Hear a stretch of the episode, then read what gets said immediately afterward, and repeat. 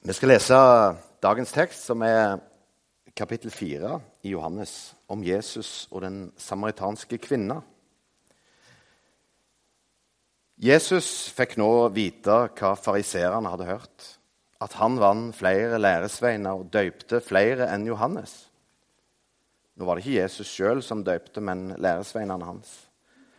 Da tok han ut fra Judea og drog til Galilea igjen. Han måtte dra gjennom Samaria og Der kom han til en by som heter Sykar. Byen ligger nær det jordstykket som Jakob ga Josef, sønnen sin. Der var Jakobs kjella. Jesus var sliten etter reisa og satte seg ned attmed kjella. Det var omkring den sjette timen.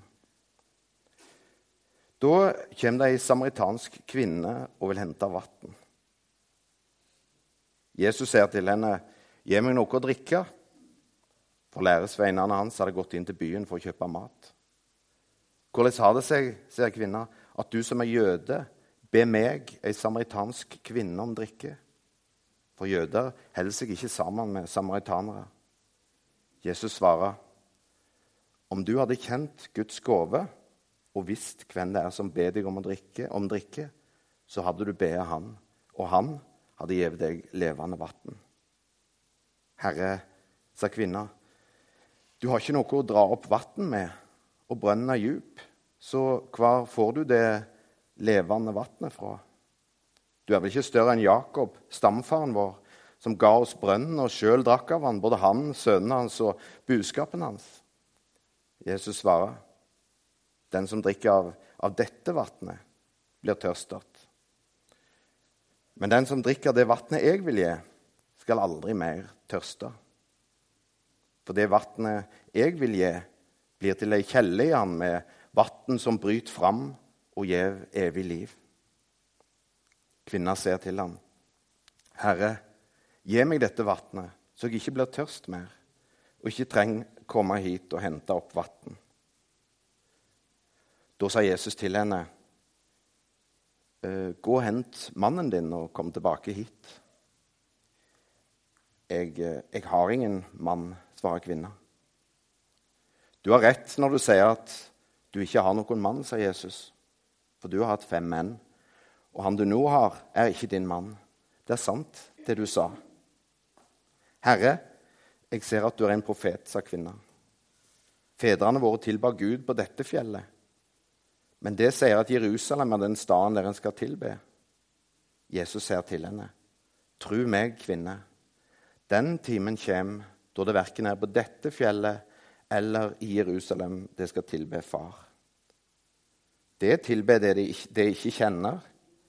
Vi tilber det vi kjenner, for frelsa kommer for jødene. Men den timen kommer. Ja, han er alt kommet. Da de sanne tilbederne skal tilbe Far i ånd og sanning. For slike tilbedere vil Far ha. Gud er ånd, og de som tilber Han, må tilbe i ånd og sanning.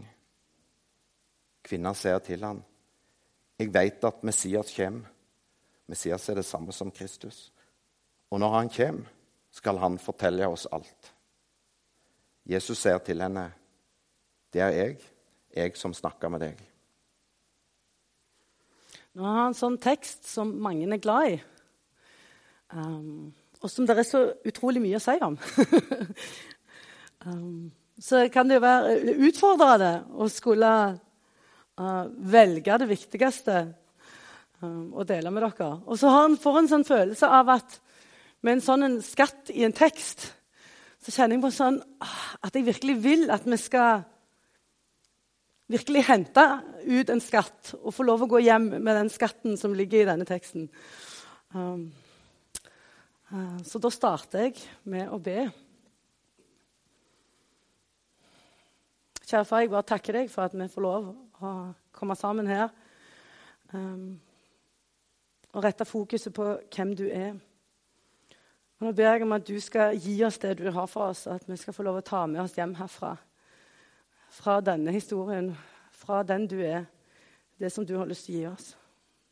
Så ber jeg om at du hjelper meg si det jeg skal si, og ikke si det jeg ikke trenger å si. Uh, og at dette blir sånn som du vil. Vi vil ta imot det som du har for oss. Vi ber i Jesu navn. Amen. Yes.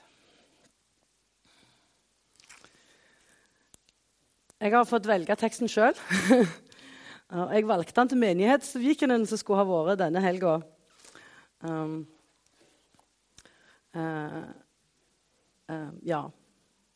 Jeg er veldig glad i denne historien fordi han har vært viktig for meg. Um, mm, så nå håper jeg bare at det her blir som det skal. Ja. Vi begynner fra begynnelsen. Vi fikk høre at han, uh, at han er altså på vei fra Jerusalem til Galilea. Og det kan ha noe med, Her begynner det å bli mye oppstyr. og, de, og Hans disipler døypte mer enn uh, enn Johannes døperen. Og det begynner å bli litt oppstyr rundt han. Og Jesus har jo en sånn at i begynnelsen av virksomheten så forteller han folk som blir helbredet sånn, ikke si det til noen. og og, og nå begynner det å bli litt mye oppstyr, så nå trekker han seg unna og går til Galilea istedenfor. Fordi han har en del ting han skal rekke han i løpet av den tida. Og da er det jo litt viktig at ikke disse fariseerne kommer og tar han til fange før, før, han er klar, før han har gjort det han skal. Um, så han drar altså til Galilea, og så står det at han måtte reise gjennom Samaria. Uh, og det er riktig at Samaria er den korteste veien. Uh, hvis du skal gå den korteste veien, så går du gjennom Samaria. Men det var ikke den vanlige veien. Så folk flest måtte jo strengt tatt ikke gjennom Samaria. De kryssa Jordanselva, og så gikk de opp langs andre sida, og så kom de tilbake igjen lenger oppe. når uh, for å unngå å gå gjennom Samaria. For der var jo samaritanerne. Og de var ifølge jødene ureine. Så det var ikke noe det var, ja, det var om å gjøre å styre unna, selv om det betydde en omvei. Jesus har det ikke med å styre unna folk, Eh, selv de som er ureine og ikke liksom gode nok for andre. Det er typisk eh, at Jesus ikke styrer unna folk av de grunnene. Um, og det at han måtte gjennom der Ja, han, det var nok noe som skulle skje. Um, det var et møte med noen folk der som sannsynligvis måtte skje. Uh, så det handla nok ikke bare om at det var den korteste veien, men at det var noen folk uh, å møte som skulle få møte Jesus. Um, og um, Da leste jeg i en av bibelkommentarene at, uh, at på vei opp til denne brønnen er det oppgjennombakke. Eh, og så står det at det er sjette timen, så vi vet at det er midt på dagen. Så å gå i oppgjennombakke i eh, solsteigen eh, Jeg har prøvd å gå i nedgjennombakke i Israel. Det var 42 varmegrader ute i Masada, midt i ørkenen. Og jeg lover deg, det var ekstremt slitsomt og utrolig varmt. Og jeg syns det var helt fint at det ikke gikk opp gjennom, i hvert fall. Det er sikkert og visst. Eh, så når han da faktisk blir trøtt, så skjønner jeg veldig godt at han blir trøtt um, av å gå i solsteigen midt på dagen i oppgjennombakke. Um, så han er trøtt. Disiplene går av sted for å hente mat. Uh, og da er det egentlig litt overraskende når han setter seg med brønnen, at det kommer noen for å hente vann. For Vanligvis så henter du jo vann på morgenen eller på kvelden når det ikke er så varmt, og når det ikke er så blodslit å bære den tunge vannkrukka. Men denne dama kommer midt på dagen, når det vanligvis ikke vil være noen folk med, eh, med brønnen. Eh, og da får vi egentlig ganske mye informasjon mellom linjene.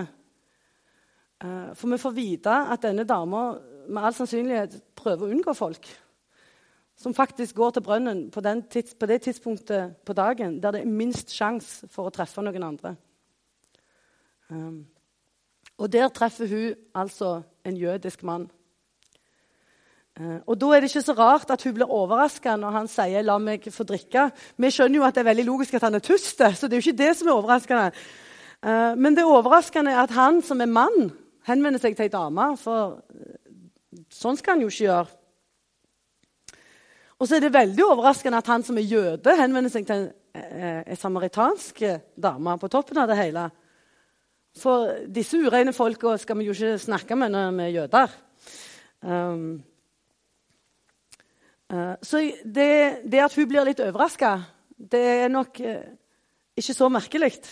For han bryter ganske mange barrierer og kulturelle regler og grenser når han henvender seg til henne.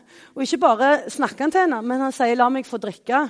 Det vil jo si at hvis hun serverer han drikke, så blir jo han etter jødiske regler ureine, fordi han mottar vann fra ei urensk samaritanske kvinne. Så her er det um,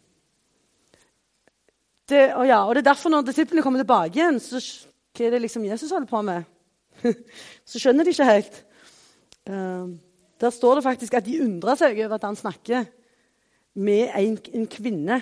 Men ikke, de tør ikke spørre han om det. De er nok kanskje vant med at Jesus gjør litt rare ting. Um, så begynner de å snakke sammen.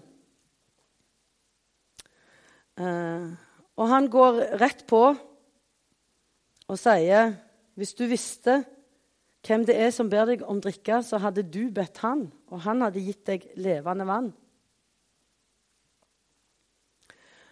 Hun vet ikke hvem denne mannen er, rent bortsett fra at det er en mann som gjør litt overraskende ting. Um, men nå begynner Jesus å vise litt av hvem han er. Um, men foreløpig så tror hun at det handler om dette vanlige vannet. Um, og hun er jo interessert i dette vanlige vannet. Kanskje øyner hun en løsning på problemet hennes. Hvis jeg har sånn vann som stadig veller fram, så slipper jeg jo å gå til brønnen. Problem løst. Da må jeg jo enda mindre forholde meg til de menneskene som fordømmer meg og syns jeg ikke er god nok til vanlig. Det er jo en grei løsning. Da slipper jeg jo å treffe folk helt og holdent. Hvis jeg slipper å komme her til brønnen. Dette vannet vil jeg ha. Dette er jo en god plan. Dette er en løsning på mitt problem. Og Vi kan jo kjenne oss igjen i at det er lett å være opptatt av de behovene som er her og nå. Det er jo stort sett de behovene jeg er opptatt av òg til vanlig. Det er ikke alltid jeg løfter blikket og tenker lenger enn hverdagen og her og nå og hva trenger jeg nå. Og Jesus sier den som drikker det vannet jeg vil gi han skal aldri mer tyste. Det vann jeg vil gi han skal bli en kilde i han med vann som veller fram og gir evig liv. Noen ganger er jeg opptatt av ekte behov, sånn som vann. Andre ganger er jeg opptatt av behov, de tingene som alle rundt oss sier at vi trenger, men som vi kanskje ikke egentlig trenger. Men Jesus han han trekker evigheten inn i samtalen. Eh, det er utrolig mange som har meninger om hva vi trenger. Men det er kun Jesus som kan gi oss det vi trenger gjennom døden og i evigheten. Men før hun skal få dette som hun trenger, som hun ikke helt ennå skjønner, men som hun vet at hun vil ha, så sier Jesus Gå og hent din mann, og kom så hit. Uh, og jeg smiler litt av svaret hennes. For hun sier 'jeg har ingen mann'. Og da kjenner jeg meg liksom litt igjen. Jeg tenker tilbake igjen til når jeg var liten og jeg gjerne hadde gjort noe jeg visste jeg ikke skulle gjøre. Og da visste jeg sånn Jeg kan ikke lyge for mamma. Det, det er for gale. Altså, jeg, jeg, jeg, fikk, helt vondt i magen. Jeg kunne bare, Lyging var forferdelig, så jeg måtte snakke sant. Men det jeg syntes var greit, da, det var å si sannheten på en sånn måte at hun, ikke tro, altså at hun ikke skulle oppdage det som jeg ikke ville hun skulle vite. Så da var det om å gjøre å si Teknisk sett var det jeg sa, helt sant. Men det var veldig halve sannheten. Og mamma tro, jeg var jo ganske snill, så hun trodde ofte det beste. Så jeg kom ofte unna med disse litt sånn Og så visste jeg da at hvis jeg ikke kom unna med det, og hun sa ja, men hvorfor sa du ikke det? Så kunne jeg si ja, altså teknisk sett så var det jo helt sant. Jeg hadde jo tross alt ikke løyet, liksom. Eh, så når hun sier hun ikke har en mann, så er det litt sånn Ja, teknisk sett. Sånn, det er jo sant. Men det var jo ikke hele sannheten. Og jeg tror ikke egentlig hun er interessert i å ha denne dypt personlige, intime samtalen med denne fremmede jødiske mannen. 'Jeg har ikke noen mann.' 'Nei vel, da. Ok, da. Da er det ikke noen å bringe.' 'Nei vel.' Og så er jo ikke Jesus en helt vanlig mann. Så, Så han eh, bekrefter istedenfor å komme med en sånn Nei, nå, snakker, nå forteller du meg ikke hele sannheten. Så sier han ja, det stemmer jo det. Det er sant, det du sier. For du har jo hatt fem, og han du har nå, er jo ikke din mann. jeg bare liksom ser for meg hvordan det øyeblikket er for henne. Å få den der Hvordan i all huleste vet du det? Du er jo fremmed her. um, og samtidig få det av en som ikke sier det på en sånn Du lyver til meg, eller du, ikke, du har ikke fortalt meg alt. Eh, det er ikke noe anklage eller noe dårlig stemning. Uh, han, men han, han avslører henne, men uten å komme med pekefingeren. Uh, og Da begynner det å gå opp for henne at dette ikke er en helt vanlig mann. Og begynner å tenke at det er nok en profet, dette her. For profeter har det jo med å vite disse tingene som andre folk ikke vet.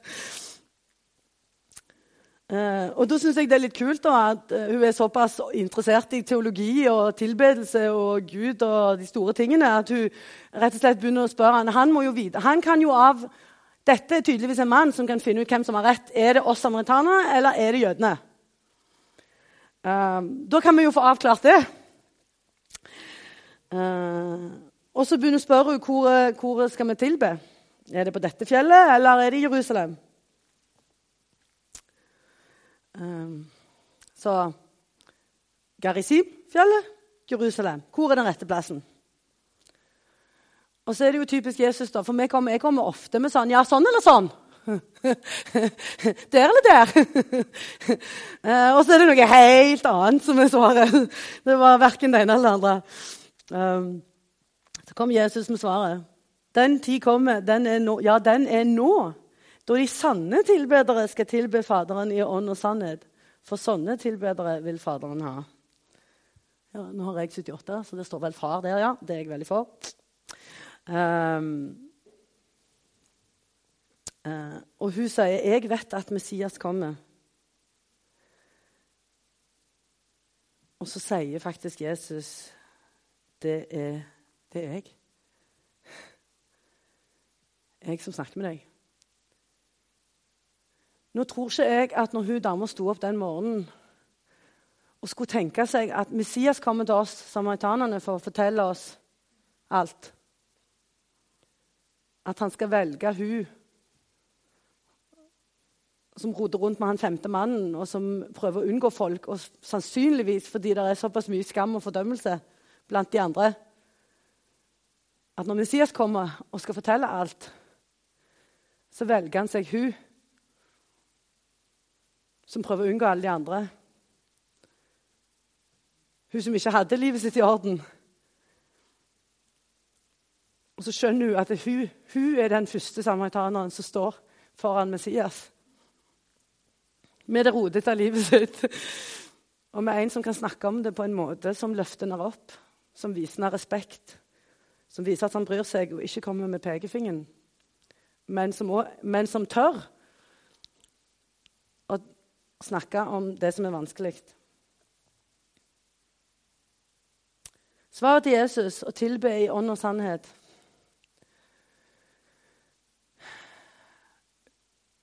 Han vil ha den samtalen med henne om der det trykker i hennes liv, før han går videre. Sannhet. Hun, hennes, hun, hun øyna løsningen. 'Å, jeg slipper å hente vann. Jeg kan unngå folk for alltid.' Men Jesus' sin løsning er ikke å slippe folk, men å slippe skammen. Å bli fri fra fordømmelsen. Å bli fri til å møte de folka. Å bli løfta opp. Jeg liker bedre Jesus' sin løsning.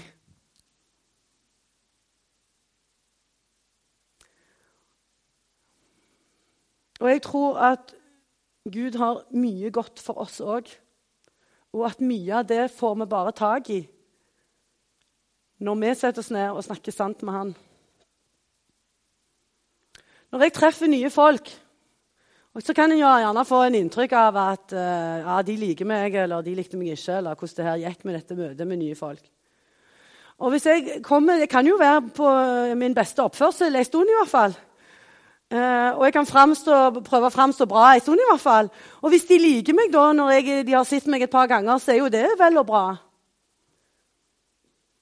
Men når de folka som vet all driten, som virkelig kjenner meg, fremdeles liker meg, så betyr det mye mer. Det er ikke vits i å gjemme noe for Jesus, for han vet det. Og det er når jeg sitter og skjønner at han er jo mot meg sånn som han er mot hun. At jeg skjønner at jeg kan jo, eh, altså, Vi kan jo like godt snakke om de der tinga som jeg ikke vil snakke om. Fordi han vet det, og han elsker meg allikevel. Og jeg har en tendens til å tenke at Gud er liksom den der ute å ta meg, eller, eller syns at jeg er kjip eller ikke er fornøyd med meg. Og, og, og, Derfor kan jeg like å holde meg unna, for det er ikke så nøye for han om jeg er med han eller ikke. Um, og så viser Jesus meg et helt annet bilde av hvem han er, enn det jeg ofte roter til oppi hodet mitt. En som vil snakke om de tingene, og en som elsker oss sjøl om han vet alt. Så det oppmuntrer meg til å ha de der samtalene som jeg ofte prøver å unngå. Så står det 'tilbe i ånd og sannhet'. Her var det jo snakk om er det på dette fjellet eller på det fjellet. altså, Hvem har rett? Der sto et stort tempel i, i Jerusalem. Det var liksom der Gud bodde.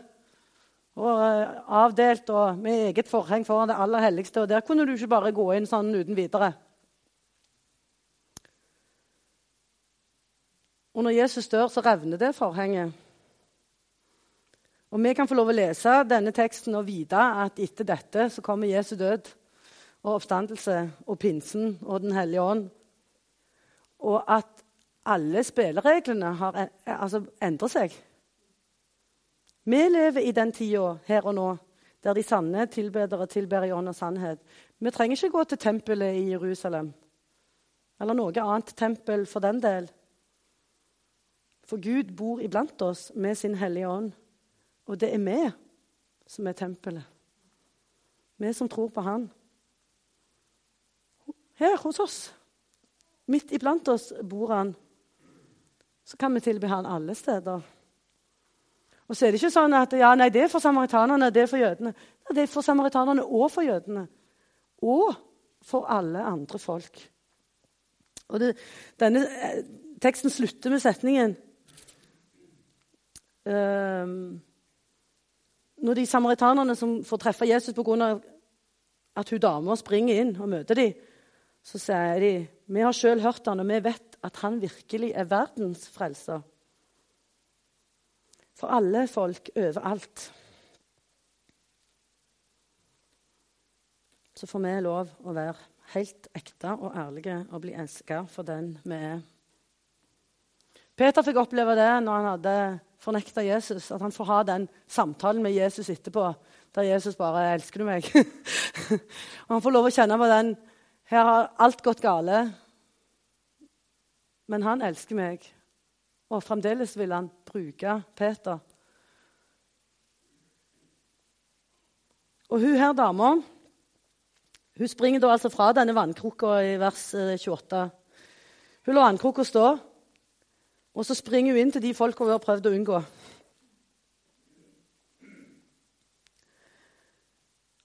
Hun har virkelig fått skifta hele det der fokuset fra bare her og nå til noe enda lenger.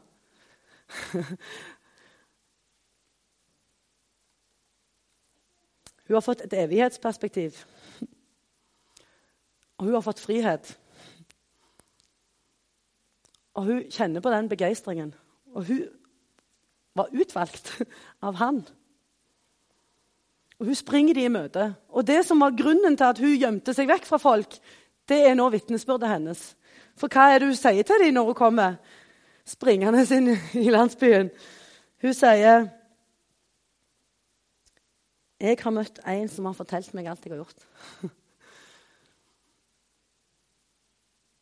mm. Disiplene kommer tilbake fra å, hente mat. Og Jesus har en, sånn, en liten sånn, misjonsundervisning kan jeg nesten si, med, med disse disiplene. Og han, eh, Og han sier at ja, nei, folk sier at det er fire måneder til høsten, men jeg sier dere markene er hvite til høst. Løft, løft blikket og se. Så har jeg hørt noen si at det var vanlig for samaritanerne å gå i hvite klær. Og Hvis de står eh, og har litt sånn utsikt over denne landsbyen og faktisk ser disse menneskene i hvite klær, så er det jo det er veldig kult å tenke seg. De der hvite markene blir in your face, disse folkene. uh, og de kan bare løfte blikket og se. Der er en annen type høst. Og i den høsten så er det sånn at du kan være med og høste uten at du har sådd. Hvor kult er det? Og det er sånn at Disiplene skal få lov å være med på noe som hun dama setter i sving når hun springer inn med sitt vitnesbyrd. De blir invitert til å bli der, og de blir der i noen dager. og De snakker med folk og de underviser folk. Og her har vi akkurat hørt i begynnelsen at de har drevet og døpt masse folk, så vi kan se for oss at her er disiplene i sving. Uh, selv om de ikke har forberedt noe. de har uh, eh, ramla inn i denne situasjonen sammen med Jesus og uh, får være med på det som skjer. Og hun får være et forbilde på hva det er å være misjonær. Hun som har hatt det møtet med Jesus og får lov å dele hva som skjedde med henne. Og så syns jeg det er litt kjekt med alt dette å så. Noen sår, og noen høster, og noen sånn og noen sånn. For Jesus inviterer oss til å være med på dette evighetsperspektivet. På dette som handler om mer enn her og nå og at det handler om hele verden og alle folk. Og Så skal vi være med på det, og så er vi med på det sammen. Så nå gjør noen det, og så gjør noen det. Og, og så har Gud gått i forveien, og så er ting forberedt. Og så, og så får vi lov å være med og tjene, men uten at det skal bli et sånt ork. Jeg tror ikke hun dama tenkte å skal jeg springe inn i landsbyen og få et pøs, liksom. Hun, hun handler liksom ut fra begeistring og ut fra hva som har skjedd i hennes liv. For dere ser her På denne her så jeg, er det noen nøkkelvers. Den første, det levende vannet, for å minne oss på det evighetsperspektivet og på å løfte blikket. Og på at bare Jesus kan gi oss det vi trenger for evigheten. Og så løft, ja, løft blikket og se på markene, vers 35. Så har jeg valgt vers 39. Mange av samaritanerne fra denne byen kom til tro på Jesus pga. kvinnens ord da hun vitna han har fortalt meg alt jeg har gjort. Og så er det litt sånn altså Hvis jeg går til en lege, og den legen er flink, og jeg begynner å stole på den legen, så er det ingen som kommer til meg og sier ja, 'Så flink du er, da, som stoler på legen'. Nei, da tenker jo alle at legen er flink. Det er jo ikke jeg som er flink. Tillit er jo noe som skjer fordi den personen, han eller hun, er god på det de holder på med.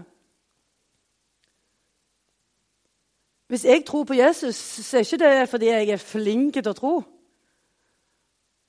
Det er jo fordi han er tillitsvekkende. Fordi han er den han er. Og jeg tror jo at troen vår blir styrka når vi er med han, og når vi kommer til han, og han får lov å vise oss hvem han er.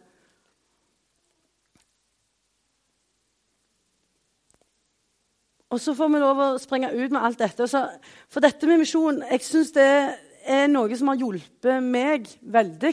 Og det er Han er høstens herre. Og derfor, Det forklarer det siste verset dere har på denne. her. Et par sånne vers for dere skal huske noen av nøkkeltingene. Høsten er stor, arbeiderne få. Be derfor høstens herre sende ut arbeidere for å høste inn grøten hans.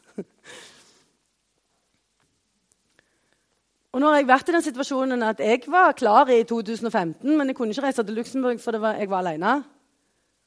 Så havna jeg i Paris for å lære fransk og tok turer inn og eh, ba om at uh, Gud skulle sende ut uh, en arbeider til, da, så vi kunne dra sammen. Så sender han Sara, og så kommer vi i gang og får starta opp ei gruppe. Og... Men Sara skal kun være ett år. Så det er jo et problem. Ja, så må vi jo bare be da, om at høstens herre sender, sender ut arbeidere. Og så treffer vi ei som heter Cindy i kirka. og Sara begynner å snakke med henne om, om, hva vi holder på med, og lurer på om hun er interessert i det. Og Cindy hun er interessert i det. Hun skal ha et halvt år på bibelskole, og så vet hun ikke hva hun skulle, skulle, gjøre til høsten. Så har jeg fått jobbe sammen med Cindy dette året, og det har vært en kjempevelsignelse bare å få følge henne og se hva Gud gjør i hennes liv, og få lov å se hun i møte med studentene gi videre alt det hun har. Og så er det ja vel, nå er det snart det året med Cindy over. Hvordan skal dette gå? da? Ja, nei, Vi får jo be Gud om å sende ut arbeidere. Så kommer det et ektepar og tar kontakt og sier nei, vi lurer på om vi skal komme til Luxembourg. Og nå er det ei som heter Rebekka, som skal begynne til høsten. Som tar med seg mannen sin Sebastian, som skal søke jobb. og De skal prøve å finne leilighet og jobb og slå seg til i, i Luxembourg. Og hun er fransk, og han er tysk, men hun, har, hun, er halvt fransk og tysk. Så hun snakker både tysk og fransk. Det er jo helt glitrende for Luxembourg. Når du kan tysk, fransk og engelsk fra før, så Eh, så slipper hun unna med atskillig færre språktimer enn, en meg. Og så rakk jeg på en måte ikke bekymre meg engang. Før Gud begynner liksom Ting skjer, og folk kommer. og det samme med økonomien. så er det sånn Jeg tenker, jeg trenger ikke prøve å overbevise folk om at nå skal du gi penger til dette. Det er masse gode misjonsting. Jeg tror ikke det jeg er med på, er så mye bedre enn en annen misjon. Men jeg tror faktisk at ja, men det er faktisk sånn at det er nok folk som vil være med. For Gud kaller oss til å både gå til og gi til forskjellige ting. Sånn, så får jeg være med å gi til bibeloversettelse i Papua Ny-Guinea, for det syns jeg er fantastisk. og så får folk være med på det som de kjenner at uh, de har hjerte for. Og så tror jeg faktisk at nok folk har hjerte for det, fordi Jesus er høstens herre, og han har uh, kontroll på dette på et vis. Og så har han vist seg trofast at før jeg rekker å bekymre meg, så skjer det en eller annen oppmuntring som gjør at jeg, jeg skjønner at uh, ting kommer til å ordne seg. Og så får jeg lov både å gå inn i det og vite Hvis nå ingen kommer, ikke mitt problem. Det er ditt problem, Gud. Om det tar litt lengre tid enn det kunne ta, ikke mitt problem. det er ditt problem, Gud. Og så ikke bare det, men så får jeg lov å slippe den der um, Uh, når, å bare hvile i at han er høstens herre Da er alt vi holder på med, hans. Denne kirka er hans. Studentarbeidet er hans.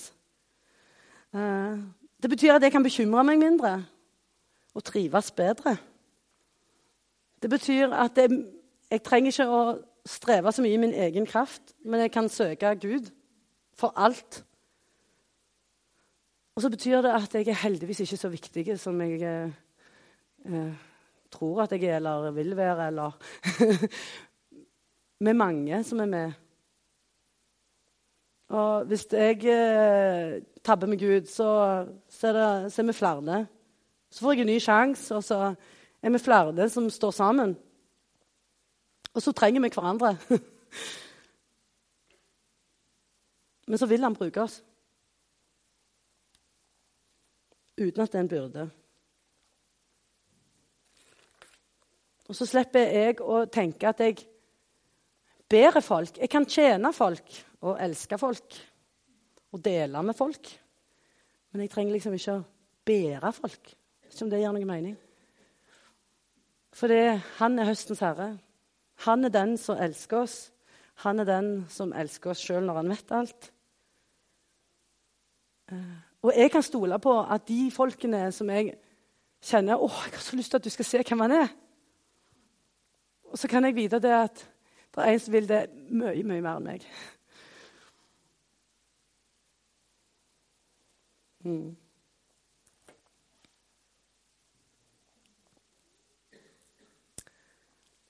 For å oppsummere du er elska av Han som vet alt. Så vi trenger ikke gjemme oss. Og det er masse frihet i å få lov å si ting som de er. Så kan vi, sånn som hun dama, vi kan få lov å gå fra å skamme oss over noe til å være frimodige. Vi kan få lov å ha, gå fra å ha dårlig samvittighet og kjenne skyld for noe, til å ta imot tilgivelse. Vi kan få lov å gå fra å kjenne Holde fast på sinnet mot andre til å få lov å tilgi. Vi kan få lov å gå fra å fordømme oss sjøl og andre til å snakke sant om hvem vi er, og vite hvordan han ser på oss. Vi får lov å være oss sjøl, og han vil bruke oss sånn som vi er. Derfor snakk med han. Jeg har vært på noen retreater med Magnus Malm, og alltid når du kommer i sjelesorg til Magnus Malm, så er det liksom problemet uansett hva det er. Så har han på en måte et slags sånn, eh, et svar som passer alt. Og jeg har hørt han si det eh, til to helt forskjellige problemer jeg hadde. Men svaret var det samme. og så er det litt sånn litt denne flaue Nei, jeg har ikke det. Og hans svar var Har du talt med Jesus om dette? og så er det liksom Ja, det burde jeg kanskje ha gjort, ja. Um, men eh, det er et godt svar. um, og så får vi lov å dele det. Nå gå sammen og se at Jesus er den som er overbevisende. Hun får lov å springe inn. Ja, Så står det mange av samaritanerne fra denne byen var kommet til tro på Jesus pga. det kvinnen sa da hun vitnet. Han har sagt meg alt jeg har gjort. Nå kom de til Jesus og ba han om å bli hos dem, og han ble der i to dager. Og mange flere trodde da de fikk høre hans eget ord. Nå tror vi ikke lenger på grunn av det du sa. Vi har sjøl hørt han, og vi vet at han virkelig er verdens frelser. Ja. Jeg bare takker deg, Jesus, for at du er verdens frelser. For at vi får lov å være sammen med deg midt i en verden som ikke er sånn som man skal være. Men vi får være sammen med deg, og vi får lov å heie på hverandre og støtte hverandre og trøste hverandre og oppmuntre hverandre og dele med hverandre. Og vi får lov å være med og bringe håp nettopp i en messeverden, om en verden som du skal sette 100% i stand. Og du har bare vist hvem du er, og vi vet at vi kan stole på at du fikser verden. At du setter oss fri og fikser oss. vi får leve med håp. Og vi får lov å komme til deg når vi tenker at ingen vil se dette og være glad i meg, så får vi lov å kjenne at når du ser oss, så er det bare så utrolig godt å bli sett. Så bare vis oss hvordan du ser oss. Så vi kan bli så fri som hun, så hun eh, kvinnen ved brønnen. Så takker vi for at vi får lov å være med på det du gjør, og at du kan bruke oss. Og at vi får dele av det vi har med deg. Så ber jeg om at du skal hjelpe oss og vise oss hvor er, hva er disse hvite merkene for oss. Om det er noen i vårt liv som som vi kan heie på, som vi kan oppmuntre og som vi kan dele deg med. Og så takker jeg deg for at det ikke er en byrde, men en glede og et privilegium. Og det ber jeg om at det skal være for oss, Jesus. Fordi du er høstens herre, og alt er ditt. Amen.